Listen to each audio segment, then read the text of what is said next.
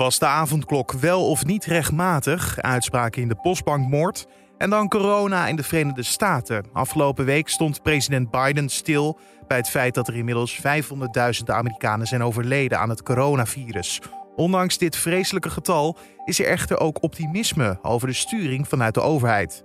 Vooral de medische wereld ziet licht aan het einde van de tunnel. Die zeggen van nou wat de regering Biden heeft gedaan, die heeft wetenschappers uh, aangesteld om beleid te gaan maken. En uh, die is vervolgens uh, is die regering uit de weg gestapt. En heeft gezegd van nou laat je, zoeken jullie maar uit hoe het allemaal moet gaan gebeuren. Zometeen meer hierover met onze Amerika-deskundige Matthijs Lelou.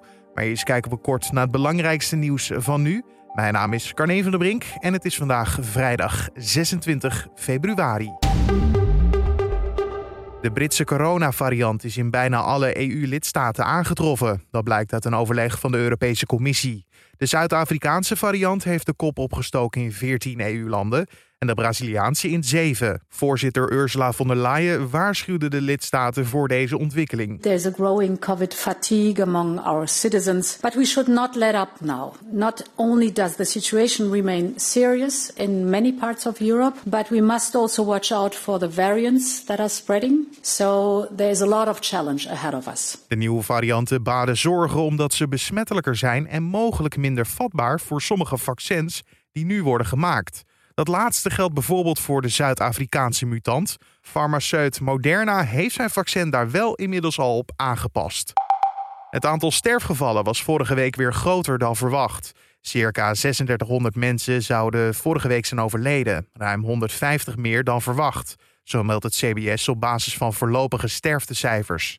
Als gevolg van de tweede coronagolf kreeg Nederland sinds halverwege september te maken met oversterfte. Sinds een paar weken is de oversterfte zodanig afgenomen dat het aantal sterfgevallen in lijn kwam te liggen met het verwachte sterftecijfer. Maar vorige week stierven er dus weer meer mensen dan verwacht. Het CBS krijgt pas later informatie over de doodsoorzaak van deze personen. Volgens Hubert Bruls, burgemeester van Nijmegen en voorzitter van het Landelijke Veiligheidsberaad, zijn de huidige coronamaatregelen niet meer te houden. Het kabinet moet volgens hem binnen enkele weken versoepelen, om te beginnen door in de buitenlucht meer mogelijk te maken, zo zegt hij in het AD. Bruls reageert in de krant op de bomvolle parken in het land, die door het mooie weer in onder meer Amsterdam en Nijmegen te druk werden. Daarnaast het voornemen van een deel van de horeca om volgende week weer de terrassen open te gooien. Zo ook deze ondernemers bij de NOS. Ik ben van plan om open te gaan. Dat roep ik nu heel hard. Uh, ik weet ook niet of ik het daadwerkelijk ga doen, maar ik ben voorstander om het terras open te gooien. Dat gaan we doen op anderhalve meter. Gewoon veilig, verantwoord. Dat we laten zien uh, aan het kabinet dat het ook gewoon wel kan. Bruls en andere burgemeesters waarschuwen de horeca dat er zal worden opgetreden mochten de terrassen open gaan. En gisteravond werd er weer gevoetbald in de Europa League met wisselend succes voor de Nederlandse clubs. Ajax heeft de achtste finales van het Europese toernooi bereikt. De Amsterdammers wonnen de returnwedstrijd tegen Lille met 2-1 en dat was na de overwinning van vorige week genoeg om door te gaan. Coach Erik ten Hag was blij met zijn team, dat zei hij tegen RTL. Dat is een hele grote prestatie. Als je van de nummer 1 van Frankrijk twee keer wint, dat is een uitstekende prestatie. Vorige week hebben we beter gespeeld, maar dan zie je ook dat deze ploeg ook anders kan spelen. Minder spelen, maar toch winnen. En dat is ook een kwaliteit. Het Europese avontuur van PSV kwam gisteravond ten einde. De Eindhovenaren wonnen thuis met 2-1 van Olympiakos. Maar een late tegentreffer van de Grieken werd de ploeg fataal. Die konden ze niet veroorloven omdat ze de vorige wedstrijd met 4-2 hadden verloren. Zeer pijnlijk voor de spitse Havi die beide doelpunten gisteren had gemaakt. Uh, in one word, of shit. Unbelievable that we we are not uh, promoting to the next stage uh, after this game. you know, to concede a goal 88 minute and to see to see them how they celebrate in our stadium, terrible. Dan over naar de Verenigde Staten. Joe Biden is inmiddels ruim een maand de president van het land. Tijd om te kijken naar de corona-aanpak van hem versus die van zijn voorganger Donald Trump. Zijn de verschillen in aanpak groot? En vooral, waar zitten die verschillen in het beleid? Collega Julien Dom praat erover verder met Amerika-deskundige Matthijs Lou en vroeg wat hem nou opvalt als hij naar de Amerikaanse coronacijfers kijkt. Nou, als je kijkt naar de ontwikkeling van, uh, van de pandemie, dan uh, heeft Amerika eigenlijk net een grote golf achter de rug. En uh, de cijfers die zijn vanaf begin dit jaar aan het afnemen. de Amerikanen die zijn inmiddels volop aan het vaccineren. Er worden per week worden de miljoenen Amerikanen krijgen een, prikje. En dat begint toch ook wel een weerslag te hebben op die curve van, van de pandemie. Het aantal besmettingen dat is aan het dalen. Niet overal in de VS, bijvoorbeeld in New York, daar is de situatie nog steeds vrij nijpend. Maar het aantal doden, wat ook begin dit jaar tot een hoogtepunt opliep, dat is ook langzaam weer aan het zakken. Dus het is nog steeds heel moeilijk, maar er lijkt zo langzamerhand lijkt het weer een beetje de goede kant op te gaan. Heeft dit te maken met ja, de, vaccinatiestrategie, of tenminste de coronastrategie is misschien een beter woord van Biden, in tegenstelling tot die van Donald Trump? Dat is uh, heel moeilijk te bepalen, want we weten inmiddels allemaal wel een beetje hoe die besmettingsgolven verlopen. Dat gaat eerst omhoog en dan gaat het op een gegeven moment weer naar beneden. Dus wat je nou precies kunt toedichten aan, aan, aan wat de ene of wat de andere regering heeft gedaan, dat is uh, altijd een beetje koffiedik kijken. Maar je kunt wel constateren dat dat vaccinatieprogramma, wat in de VS wat eerder begon dan in Nederland, dat het inmiddels heel goed loopt. En dat is, lijkt toch wel de belangrijkste factor te zijn bij het, het terugdringen van die besmettingen. En als we dan toch eventjes kijken naar een soort van vergelijking of onderscheid tussen beide presidenten. Wat is voor jou het meest opgevallen als Amerika-deskundige uh, tussen de aanpak van Trump en Biden? Dat is vooral uh, hoe de federale overheid, dat is dus eigenlijk dat uh, enorme overheidsapparaat waar de president het hoofd van is, hoe die zich opstelt in de coronacrisis. Want de zorg is in de Verenigde Staten heel vaak geregeld op staatsniveau. Dus de 50 staten die bepalen in grote mate zelf hoe ze hun zorgbeleid aanpakken. Maar die grote federale overheid, die kan daar natuurlijk wel een ondersteunende rol in spelen. De regering Trump, nou ja, die, die had eigenlijk een beetje de mening dat staten het vooral zelf maar moesten oplossen. En de regering Biden, die heeft daarmee gebroken. En die is daar echt als, als federale overheid boven gaan hangen. Uh, de federale overheid die bemoeit zich nu bijvoorbeeld met waar elk, al, die, al die ampullen met vaccin, waar die precies naartoe gaan. Of die bijvoorbeeld naar plattelandsgebieden toe gaan, of die naar uh, gebieden, uh, stedelijke gebieden met bijvoorbeeld minderheden die extra zwaar zijn getroffen door de pandemie of die daar naartoe moeten. Dus uh, ja, het is een veel actievere rol. Biden die heeft ook uh, eigenlijk meteen heeft hij, uh, wetenschappers aangesteld. We weten allemaal nog dat het tussen de regering Trump en tussen de wetenschappers vaak niet boterde. Onder andere Fauci, de hoofdwetenschapper als het daarom zo maar even te noemen in de Verenigde Staten een beetje de, de Amerikaanse Jaap van Dissel inderdaad. Precies. Ja, die zei dan één ding en dan uh, een kwartier later, misschien zelfs tijdens dezelfde persconferentie, zei Trump heel wat anders. Zijn die nou wetenschappers dan ook tevreden met deze sturing vanuit het hoogste niveau? Ja, je hoort in de medische wereld uh, vooral hoor je positieve geluiden daarover. Uh, die zeggen van nou wat de regering Biden heeft gedaan, die heeft wetenschappers aangesteld om beleid te gaan maken. En die is vervolgens is die regering uit de weg gestapt en heeft gezegd van nou laat je, zoeken jullie maar uit hoe het allemaal moet gaan gebeuren. En dat gebeurt allemaal in, uh, in relatieve stilte als je het vergelijkt met uh, nou, pakweg een jaar geleden. Dus uh, over het algemeen lijken de medische deskundigen daar wel over te spreken.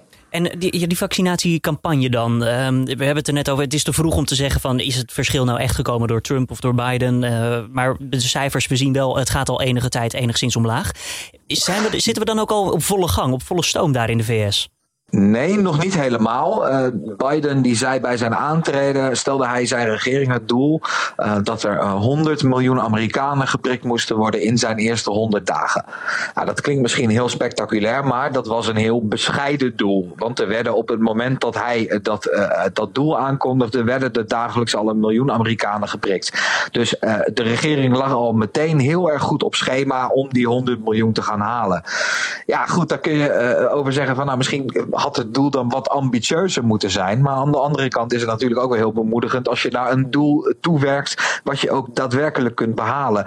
Daar eh, schortte het onder de regering Trump nog wel eens aan, want eh, president eh, Trump die riep destijds gewoon bijvoorbeeld van nou, we zorgen ervoor dat voor het einde van het jaar corona is verslagen. En, en ja, dat zijn van die hele brede beloftes waar je eigenlijk niet zoveel mee kan. Maar zo'n aantal van 100 miljoen is een mooi rond getal en daar blijkt heel goed naartoe te werken. Dan wil ik meteen even daarop inhaken, want bij Biden gaat dus dan eigenlijk uh, borduurt verder op het beleid van Trump toch wel. Terwijl Biden eerst zei van ja, er is helemaal niks geregeld over die vaccinatiestrategie of coronastrategie. Um, maar je zegt het zelf al, er werden al bijna 1 miljoen Amerikanen per dag gevaccineerd. Ja, Biden die ging er meteen heel hard in toen hij net in het Oval Office zat. En die zei van nou, de regering Trump, mijn voorganger, die uh, heeft helemaal niks geregeld. Die claimt het was wel aardig overdreven. Maar het verschil tussen de twee regeringen zit hem Vooral in wat we eerder al zeiden. de regering Trump die vond dat de staten het allemaal voornamelijk zelf moesten oplossen. Terwijl de regering Biden er veel meer boven gaat hangen. wat Biden bijvoorbeeld heeft gedaan, is dat er veel meer testlocaties zijn opgetuigd. Er is veel meer geld naar het vaccinatieprogramma gegaan. er zijn veel meer testers aangenomen. Dus wat dat betreft is er wel echt een koerswijziging geweest. Maar die was niet zo scherp als Biden het deed lijken dat was dan toch wel het positieve nieuws in principe. Hè? Als we kijken van ja, dat wordt blijkbaar gewoon gehaald als er geen vreemde dingen gebeuren. Er was ook wat negatiever nieuws afgelopen week. De duistere mijlpaal van een half miljoen doden. Oftewel 500.000 Amerikanen die ja, ten onder zijn gegaan aan corona. Was dat een wake-up call? Ja, dat was, het was natuurlijk al wel bekend hè, dat er uh, heel veel Amerikanen uh, overleden zijn en overlijden aan het uh, coronavirus. Dus eigenlijk, ja, die, die, die, die doem die aan zo'n zo'n hoog getal verbonden zit, die werd al aardig gevoeld in de VS. Maar wat nu het verschil is, is dat onder de regering Trump werd eigenlijk niet zoveel aandacht aan besteed. Eh, president, uh, toenmalig president Trump die sprak bijvoorbeeld ook niet echt zijn medeleven uit met families die opeens mensen aan de eettafel moesten missen. Terwijl Biden dat tijdens de presidentscampagne nam hij er al een beetje een voorschot op en deed hij dat juist met klem wel. En dat, dat herdenken, dit, dat stilstaan bij die mijlpaal, die duistere mijlpaal van ja, een dieptepunt kun je het eigenlijk beter noemen, van 500.000 coronadoden. Ja, dat, daar heeft de regering Biden ook wel echt even een moment van gemaakt. En dat had zijn voorganger niet op die manier gedaan. Heeft Biden ja, daar nog iets aan aan zo'n moment dan? Ik bedoel, wat, wat was de reden daarachter, denk jij? Ik denk dat de reden uh, dat je die vooral moet zoeken in het soort president dat Biden wil zijn. De, hij heeft ook campagne gevoerd als een beetje de anti-Trump. Waar uh, president Trump nooit echt uitblonk in het geven van medeleven, het tonen van medeleven. zette Biden zichzelf juist neer als iemand die dat wel heel goed kan. En dat heeft ook te maken met zijn eigen geschiedenis. Hij is op jonge leeftijd is hij zijn eerste echtgenote en zijn dochter, jonge dochtertje verloren. later is ook zijn zoon overleden aan een, eh, een hersentumor. Dus Biden heeft zelf heel veel tragedie meegemaakt. En je merkt toch dat heel veel Amerikanen, uh, die, die kunnen daar wel aansluiting in vinden bij hem. Dus ja, dat, dat, dat kenmerkt hem wel als politicus. Nou, dan de volgende stap die we in Nederland ook kennen. Economische steunpakketten. Ja, er wordt veel over gesproken hier en ook dus in Amerika. Dit weekend wordt er ja, mogelijk ingestemd met zo'n pakket. hoe omvangrijk is dat? Om hoeveel geld gaat het bijvoorbeeld? Enig idee? Ja, dat is een heleboel geld. Dat gaat om 1,9 biljoen dollar. Dat is een 1 met 12 nullen. Uh, dat is nog even verwarrend. Dat wordt in, het, in het Engels wordt dat een trillion genoemd. Maar in het Nederlands heet dat een biljoen, dus met een B. Uh, daar zit een hele hoop in. Er zit uh, een van de grootste kostenposten in dat pakket. zijn directe betalingen aan elke Amerikaan. iedereen die minder verdient dan 75.000 dollar per jaar. Dat is op jaarbasis zo'n 61.000 euro. Die krijgt straks een, een cheque van de, van de overheid voor 1400 dollar. Ja, dat is heel populair bij de Amerikanen. Die zitten er echt op te wachten. Het, het klinkt als gratis geld, maar er bestaat niet zoiets als gratis geld, hè? Nee, het is natuurlijk geen gratis geld. Dit uh, gaat natuurlijk bij de Amerikaanse uh, schuld, de staatsschuld op. Die is al uh, aardig groot en die zal nog verder stijgen. economen die, zijn het er niet helemaal over eens over hoe erg dat nou precies is om een grote staatsschuld te hebben. Maar uh, de regering Biden die, uh, heeft in ieder geval het standpunt dat uh, dat geld dat het, het, waard is om het nu uit te geven. er komt extra steun voor mensen die hun werk zijn kwijtgeraakt. Er komt extra steun voor ouders met kinderen onder de 18 jaar. Er gaan tientallen miljarden naar testen en vaccins, het verspreiden van vaccins, het ontwikkelen van andere vaccins. Het heropenen van de scholen is geld voor ingeruimd. En een ander puntje waarvan de Republikeinen zeggen van wat heeft dat nou te maken met de coronacrisis, is dat uh, het uh, federale minimumloon dat wordt verhoogd naar 15 dollar per uur. En dat is meer dan twee keer zoveel als het nu is.